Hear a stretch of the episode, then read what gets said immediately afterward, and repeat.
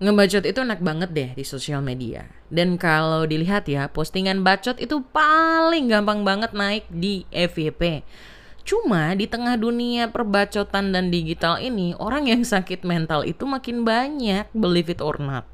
Gampang kan sekarang anak-anak milenial ngomong kena mental kok. Hmm, terada kena mental. Tapi sebenarnya ada hal-hal serius yang emang benar-benar serius untuk kita perhatikan. Jangan sampai nih hanya gegara pengen famous, pengen beken, pengen keren, pengen dapat perhatian, kamu tuh ngorbanin mental kamu untuk capai hal itu. Hmm, that's not good.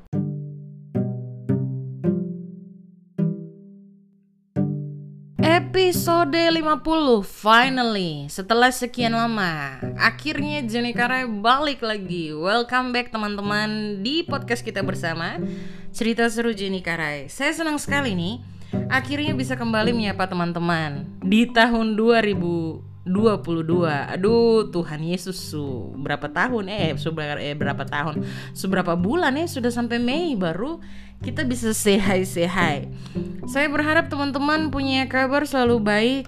Selamat datang untuk teman-teman. Saya sudah kangen banget bercerita dengan teman-teman juga Selain karena aktivitas saya yang menumpuk, banyak juga uh, sakit sih diriku lebih banyak sakit karena alergi sama udara.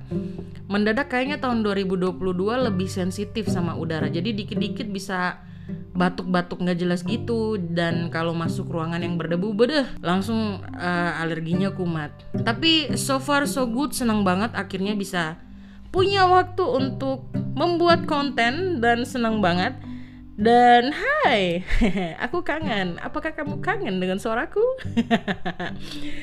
anyway, gimana kabarnya teman-teman? Aduh, corona nih dia bikin ketong semua tahan kelas betul. Karena dia sudah beranak pinak beranak cucu sedangkan ketong sekarang semua nih masih single. Testo anyway. Di episode ke-50 ini kita akan membahas hal yang lagi hits hitsnya yaitu mental health. Sering toh kan baca atau dengarkan punya teman bilang ah tarada kena mental. Nanti kalau sudah dapat apa video-video yang kayak macam relatable relatable langsung hmm kena mental kok mental rusak tidak eh some kind like that lah pokoknya kalau dapat quote atau video yang mengena-ngena langsung mereka bakal ngomong ah kena mental Nah, teman-teman pasti familiar banget dengan hal-hal kayak begini. Keuntungan kita ya, teman-teman, by the way, untuk orang yang ada di zaman sekarang itu adalah orang itu mudah dan gampang untuk terbuka tentang kesehatan mental. Beda perkara kalau tong undur ke 10 tahun yang lalu. Sepertinya tabu aja bahas kesehatan mental. Bahkan orang tuh nggak tahu kesehatan mental itu apa sih? Pentingnya apa sih? Edukasinya tuh belum sebanyak-banyak yang sekarang. Bahkan kalau orang pergi ke psikiater masih dikira ih orang gila, padahal kan tidak. Sakit mental tuh bukan cuma gila aja gitu, dia banyak akarnya ke mana-mana. Tapi sebenarnya benar nggak sih per dunia perbacotan digital ini ngefek banget dalam kesehatan mental? Hmm. Menurut kamu orang bagaimana? Kalau saya pribadi, saya menemukan sebuah studi menarik yang dong uh, cari dia punya riset itu di Indonesia. Jadi dari International Journal of Mental Health and Addiction tahun 2019 Dorang itu survei 22.423 orang itu yang berusia 20 tahun ke atas di 9.987 rumah tangga dan 297 kabupaten di Indonesia. Dan hasilnya adalah penggunaan media sosial itu secara tidak tepat dan berlebih dan berlebihan dapat memberikan dampak negatif baik fisik, psikologis dan sosial. Nah, hasil ini itu relevan banget sama beberapa pendapatnya teman-teman yang Jenny Karai tanya loh. Karena waktu itu sempat tuh Jenny Karai uh, florkan pertanyaan, buang pertanyaan ke sosial media, eh buat kamu orang uh, main sosial media dengan kesehatan mental tuh connect nggak ya? Apakah juga ngefek ke keterong punya mental nggak ya?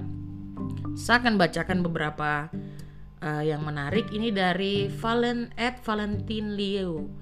Eke tuh sering banget ngerasa insecure tiap abis sosmedan kak. Apalagi kalau abis upload foto gitu, kita pasti post foto yang terbaiknya kita ya. Iya sih. Saya juga begitu saya tidak pernah posting foto yang saya ada tidur ke apa pasti semuanya cantik gitu.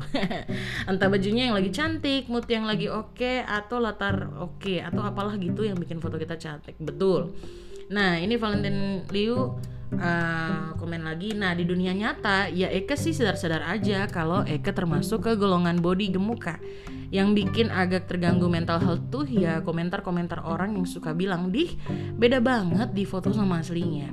Lah masa iya sih kita ngepost foto kita lagi ileran lagi nggak mandi lagi kusut? Belum lagi pada komentar di foto kok kurus ya padahal aslinya kayak anak gajah aduh ada Valentine ini kalau beta yang dapat beta semua kide anak. Waduh jadi bingung makhluk-makhluk kayak gitu enaknya gimana? Akhirnya Eke kalau mau post jadi lebih kayak mikir nanti di komen apa ya sama Mbak Neti Padahal ya bisa jadi kita emang fotogenik kan ya. Betul, betul-betul saya setuju. Saya juga kayak begitu karena secara appearance not so beautiful Tapi kalau perkara fotogenik kita tahu lah kita punya angle. Oke lanjut. Cuma kalau dijelasin soal fotogenik kan dari kata narsis suka heran deh. Gemes sama orang-orang yang bersosmed sembrono kayak gitu kan Gitu dia tadi dari Ed Valentin Liu. Ada lagi nih dari Ed Michelle Liar sosial media sangat ber, ber, eh, berpengaruh sama saya punya mental health karena saya sering sekali pikiran kacau. Hati tenang bahkan menangis hanya karena baca DM atau komentar negatif dari orang-orang yang bahkan saya tidak kenal orang wow.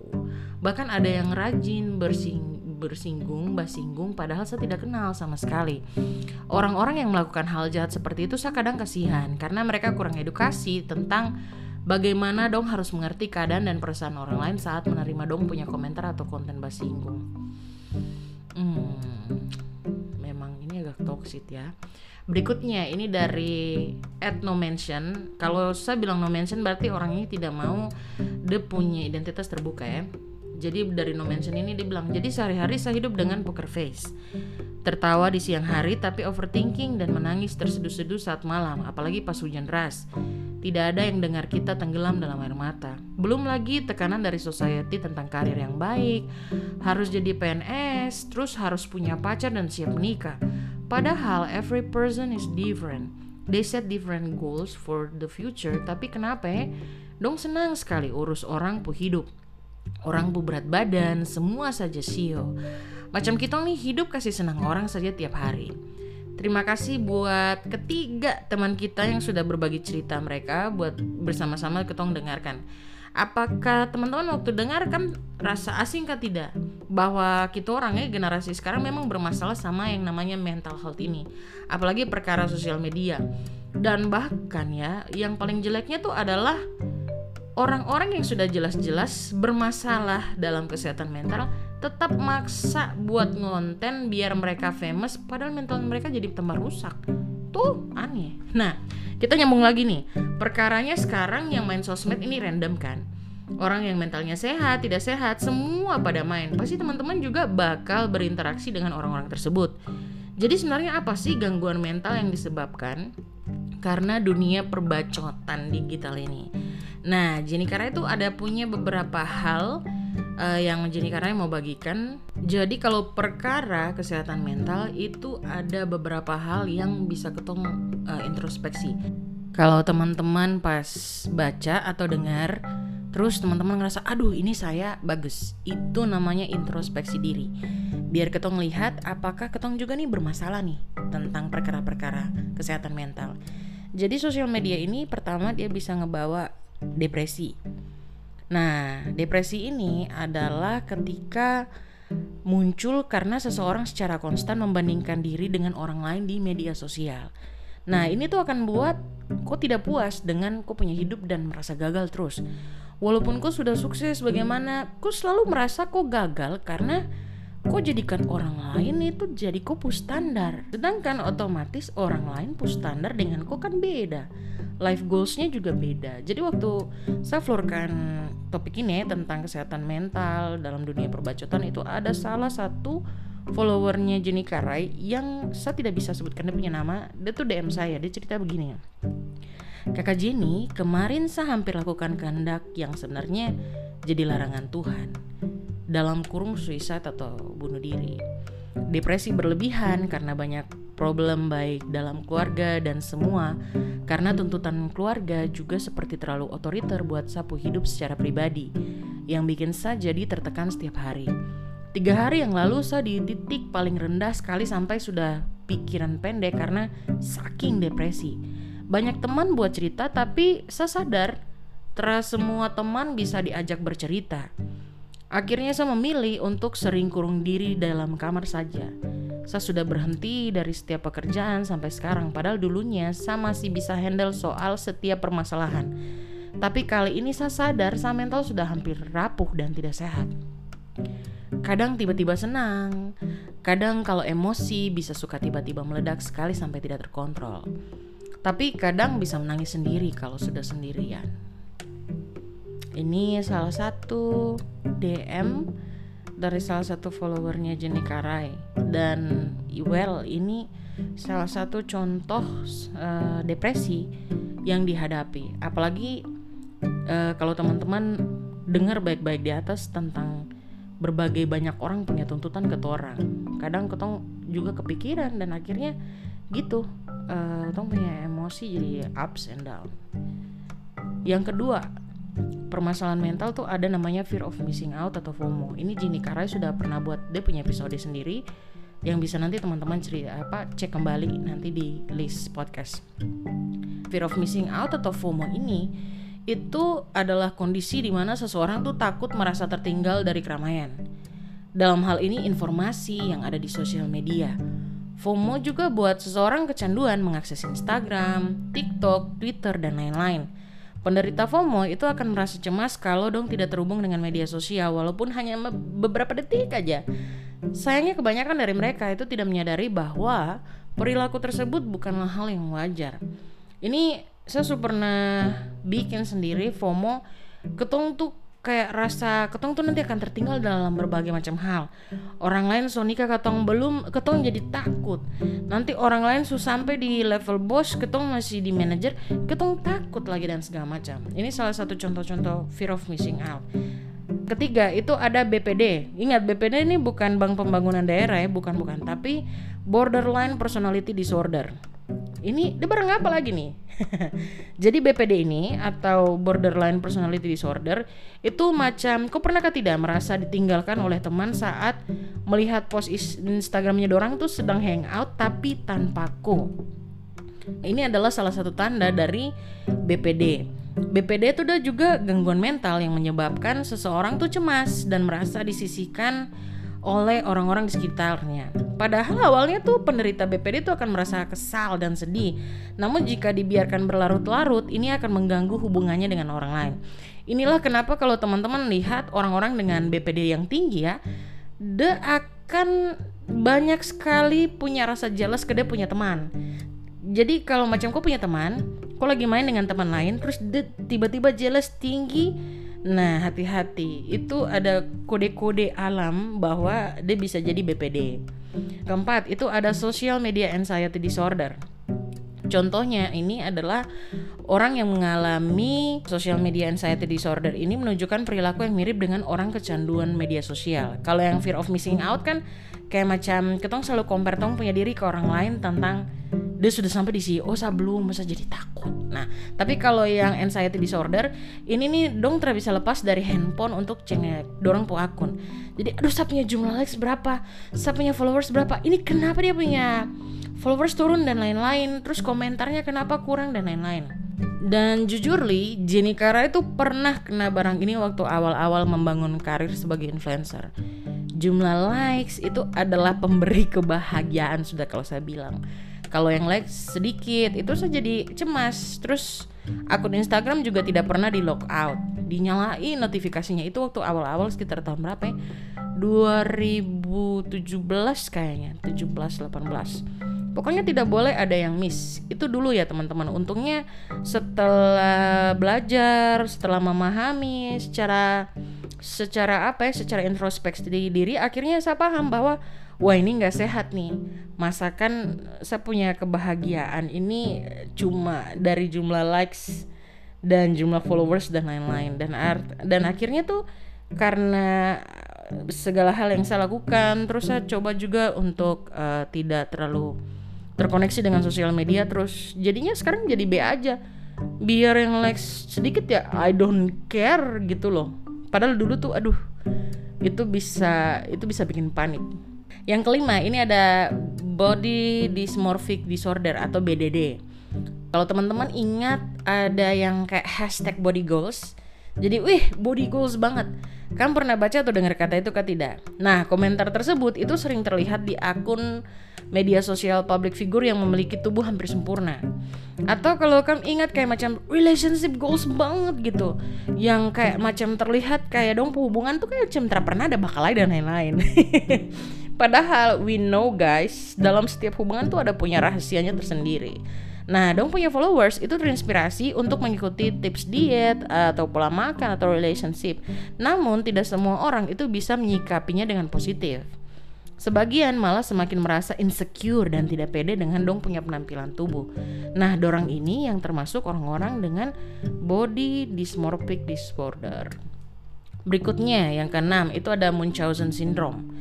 Ini sih kebanyakan saya lihat di TikTok. Saya kurang tahu ya kalau platform yang lain. Jadi sindrom ini tuh seperti orang-orang yang menggunakan cara yang tidak benar, macam memalsukan kisah hidup. Biasanya orang dengan sindrom ini suka banget mengumbar cerita sedih hingga memalsukan penyakit. Semua itu dilakukan untuk mendapatkan perhatian orang lain. Oh iya, saya ingat yang kalau teman-teman ingat yang itu apa uh, perkara Tinder, Tinder swindle. Nah itu juga masuk di sini jadi ini hal yang familiar sebenarnya yang ada di sekeliling kita orang. Yang sebenarnya terhadap penampakan apa-apa baru dikasih lingkaran. Nah kamu lihat ke tidak ada yang kayak begitu. Terus uh, sudah posting video yang menghebohkan tapi tidak ada dia punya caption tidak ada narasi. Padahal orang sudah banyak banget simpati dan ngomong ngalur ngidul. Nah atau seperti orang yang tidak pernah misalnya turun ke Papua tapi bikin so tau Papua.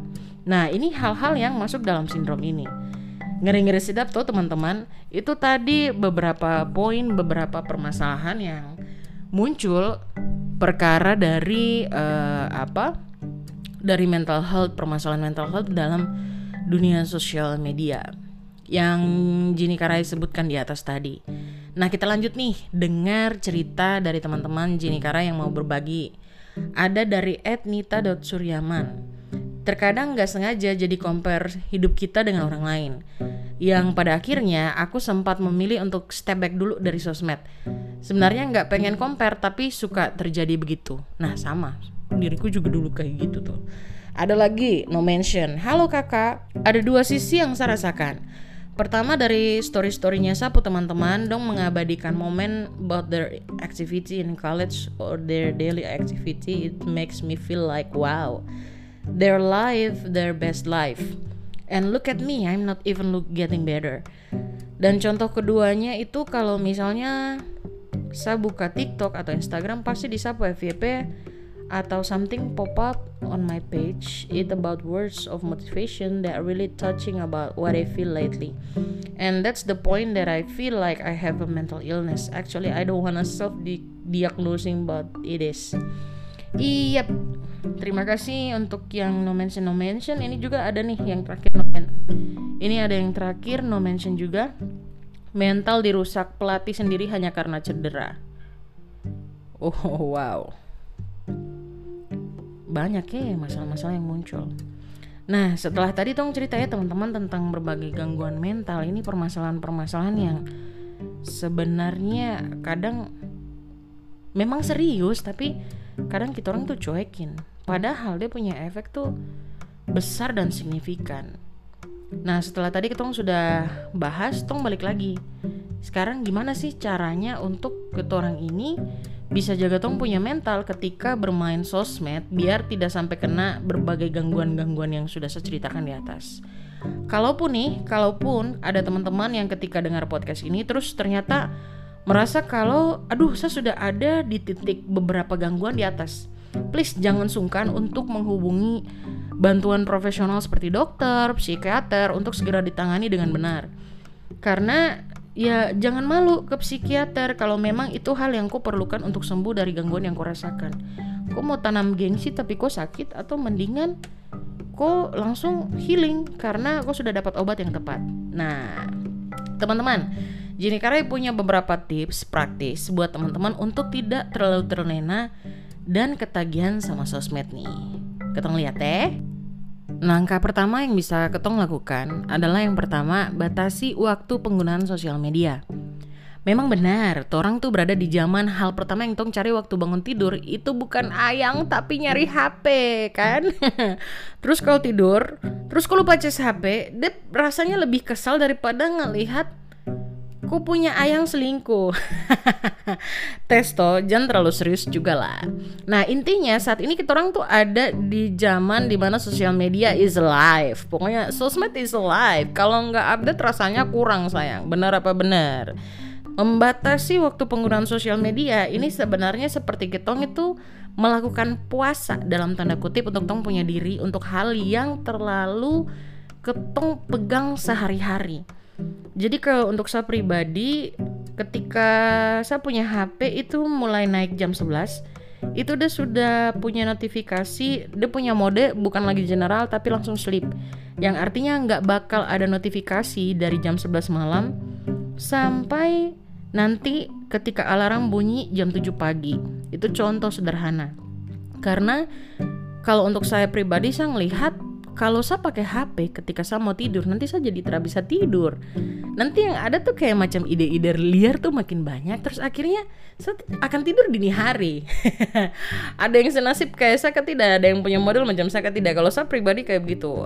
Makanya saya selalu membatasi saya punya waktu penggunaan sosial media. Yang yang berikutnya yang saya lakukan ya untuk yang langkah pertama ini kadang itu saya tidak membuat notifikasi itu nyala di sosial media jadi saya selalu lebih ke delay response ketika orang DM atau komen daripada langsung on the spot.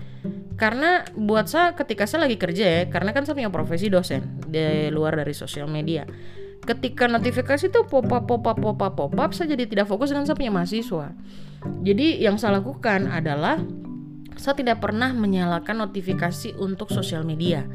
Kalau orang mau endorse silakan by WA kalau by request DM, berarti kok harus tunggu ketika saya akan lihat request DM. Seperti itu. Nah, yang kedua, misalnya, jangan lupa berinteraksi dengan dunia nyata. Believe it or not, sosial media itu mengisolasi kita orang punya lingkungan. Kita bisa menilai mana yang benar, mana yang salah seturut dengan sosial media yang kita orang ikuti toh. Masih bagus kalau yang kok follow itu bagus. Kalau asupan kok punya sosmed itu jelek, ya berarti kok standar benar dan salah itu di akun yang jelek. Sehingga itu akan merusak juga aku punya point of view untuk melihat sesuatu dengan uh, alami atau lihat sesuatu dengan netral. Yang ketiga, amati perasaan yang kau alami. Next, waktu komen sosial media. Coba deh perhatikan baik-baik di postingan macam apa yang mendadak bikin kau merasa sedih, senang, kecewa, dan lain sebagainya. Nah, itu udah punya bahasa kerennya itu adalah trigger. Hal yang bisa-bisa bikin kau tuh mendadak kecewa, marah. Itu perhatikan karena semakin kau kenal apa yang men-trigger kau, kau makin memahami kau punya diri sebenarnya sehingga ke depan kalau ada hal-hal tersebut kok bisa langsung skip skip skip skip skip aja. Dan ingat uh, kalau kau kasih filter untuk hal-hal tersebut berarti kau akan mengizinkan dorang untuk masuk keluar dengan sembarangan dalam kau punya hidup. Hmm. itu juga yang harus diperhatikan buat orang masing-masing. Biar tong juga makin mengenal toh tong punya diri masing-masing.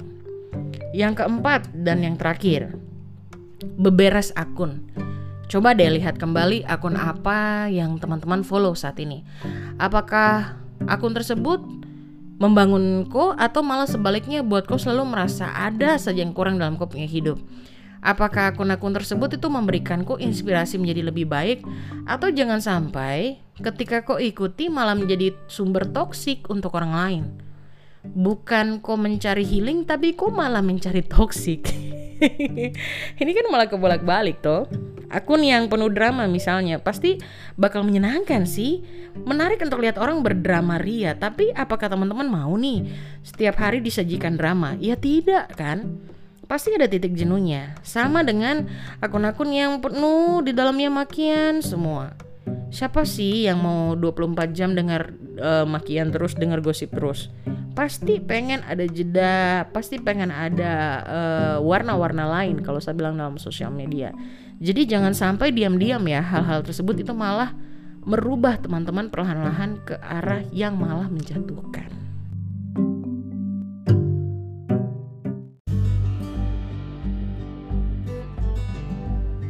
Izinkan saya untuk menutup podcast ini teman-teman dengan membacakan salah satu ayat yang saya ingat di Markus 8 ayat 36 sampai 37. Dia punya bunyi itu kayak gini. Apa gunanya seorang memperoleh seluruh dunia tetapi ia kehilangan nyawanya? Karena apakah yang dapat diberikannya sebagai ganti nyawanya? Sebenarnya ayat ini mengingatkan saya juga teman-teman bahwa apa gunanya kok dapat fame, apa gunanya kok dapat nama yang masyur dan lain-lain, tapi pada akhirnya kok membuatku punya mental sendiri tuh sebagai tumbal dalam tanda kutip. Karena untuk menjadi seorang yang fame dan lain-lain tanpa mengorbankan kok punya mental itu juga bisa. Banyak yang sukses. Sehingga dalam dunia perbacotan ini sebenarnya boleh-boleh aja bacot Cuma perhatikan kembali, kita berada di masa di mana digital itu adalah bagian dari hidupnya kita. Tapi jangan sampai dunia perbacotan ini, dunia digital ini malah bukannya menjadi benefit buat kita tapi jadi toksik. Bukannya kita malah nyari kedamaian tapi kita dapatnya toksik. Kan jadi masalah. Dan itu dia tadi teman-teman, jangan lupa ada empat langkah yang sudah Jenny Kare mention Bagaimana sih caranya untuk kita bisa mengontrol kita punya kesehatan mental dalam dunia perbacotan yang semakin hits dan panas ini? Yang pertama, batasi waktu penggunaan sosial media. Yang kedua, jangan lupa berinteraksi dengan dunia nyata. Yang ketiga, amati perasaan yang kau alami atau yang namanya trigger warning itu ya. Jadi apa yang bisa men-triggerkan kau untuk jadi senang, sedih dan lain-lain. Dan yang terakhir yang keempat, beberes akun. Lihat kembali tuh akun-akun yang ku follow. Dan terima kasih teman-teman telah mendengarkan podcast ini. Sampai ketemu di episode berikutnya. Dadah.